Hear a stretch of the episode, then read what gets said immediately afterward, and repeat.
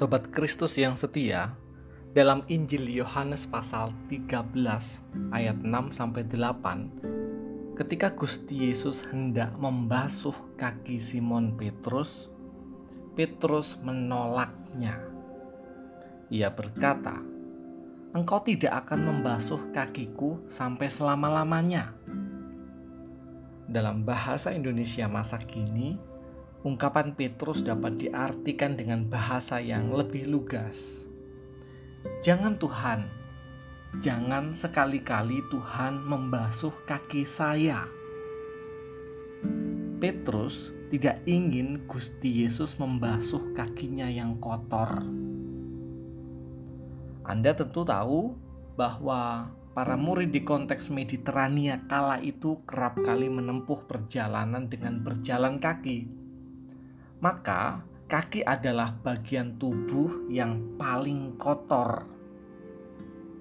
Dan ada banyak tafsiran yang berusaha menyingkapkan penolakan Petrus. Mungkin Petrus merasa bersalah karena ia tidak lebih dulu berupaya membasuh kaki Gusti.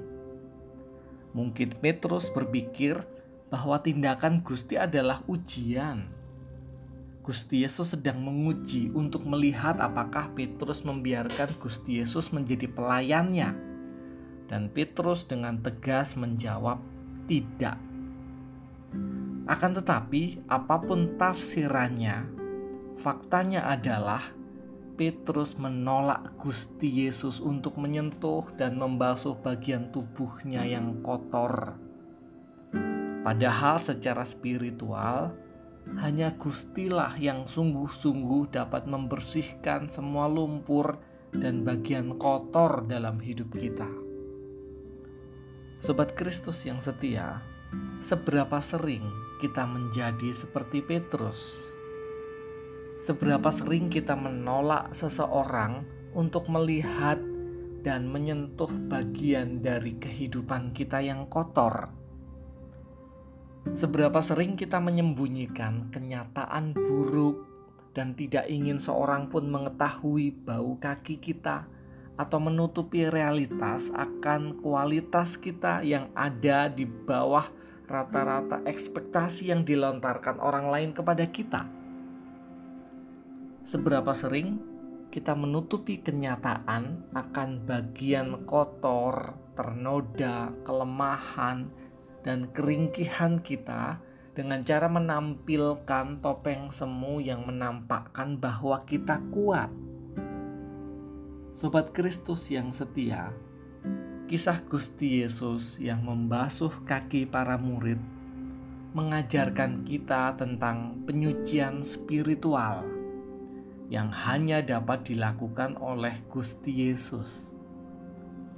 Kisah Gusti yang membasuh kaki juga mengajarkan kita makna membangun kesejatian persahabatan. Jika Anda menginginkan sahabat sejati, maka biarkanlah sahabat Anda membasuh kaki Anda. Biarkanlah sahabat Anda mendengar semua kebutuhan Anda, mengetahui segala impian dan ketakutan Anda biarkanlah sahabat Anda tinggal di dalam diri Anda untuk menolong, membersihkan, dan menyucikan Anda. Bukalah topeng Anda kepada Gusti Yesus yang tak akan pernah menertawakan semua kelemahan Anda, melainkan justru menerima Anda apa adanya dalam rengkuhan cinta yang memulihkan dan mengubah keberadaan Anda. Amin. Mari kita bersama berdoa. Tuhan kami rindu untuk membuka hati, membuka diri, dan mempersilahkan Tuhan untuk hadir secara total dan menghadirkan perubahan. Kami mengucap syukur karena Allah Bapa di dalam Sang Kristus Yesus yang lahir dan terbaring di palungan yang kotor menandai cinta Tuhan yang bersedia merengkuh dan menyentuh setiap bagian kotor dalam hidup kami. Dan biarlah di dalam cinta Tuhan kami boleh mengalami pemulihan. Dalam nama Allah Bapa Tuhan Yesus Kristus dan Sang Roh Kudus. Amin.